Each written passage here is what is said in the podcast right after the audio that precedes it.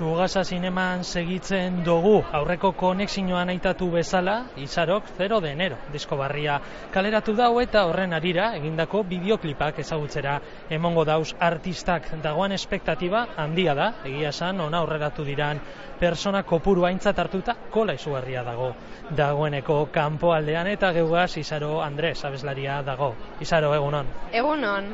0 de enero diskoko bideoklipak, estreinauko dosuz laster baten. Bai, e, deitzen dut guk bideoklipazoa, eta hogeta mar minutuko bideoklip bat da, eta gogoa handia dekot jendeak ikusteko bai. Laburra, ez da?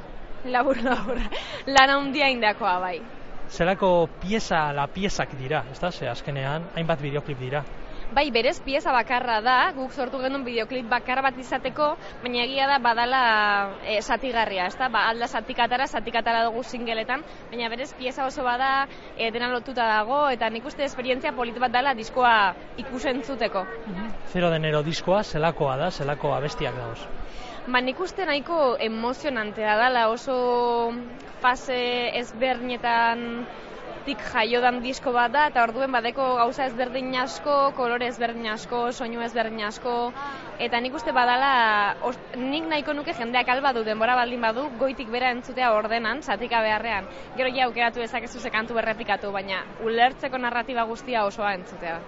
Bera, sabestien arteko erlazinoa estua da. Bai, bai, bai, niretzako da mendi baten igoera eta jeitxiera bezala, eta kantu denak daude or, bueno, jarrita mendi horren e, bueno, bai bilbidean zehar dependen dagoen, ez, igoeran edo goiko hausnarrean edo gero geisteko sendabidean.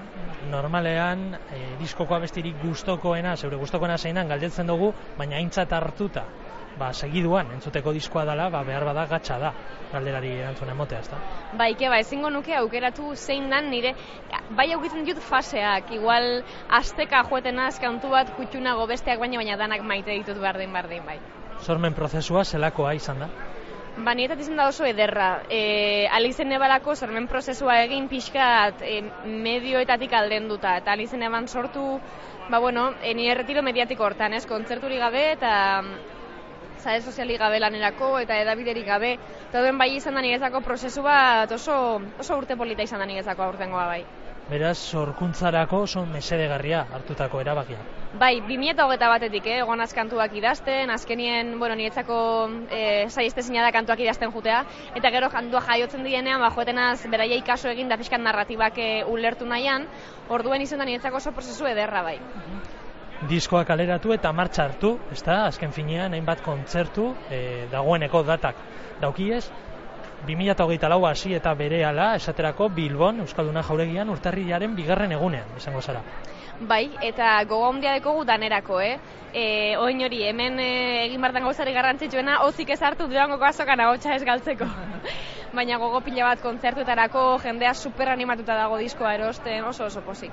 Euskal Herritik kanpobe kontzertuak izango dira, Kanaria irletan, esaterako? Bai, bai, e, bai Palma aragoa, Zamairuan, eta gero Pozolo da Larkon ere badaukagu, Sevillera ere joango gara, bai, ibiliko gara, urte hau izango da errepideko urtea, bai. Ba, Isaro Andres, alkarrizketa bukatu behar dugu, ze astear dago ekitaldia, mila esker geguaz egote arren, eta tartetxo hau ateratzea arren, eta sorte on, dana dala, esaten dabe, ba, diskoa ona bada, sortea ez dela behar, ez da? Mi esker, eskerrik asko. Agur. Agur.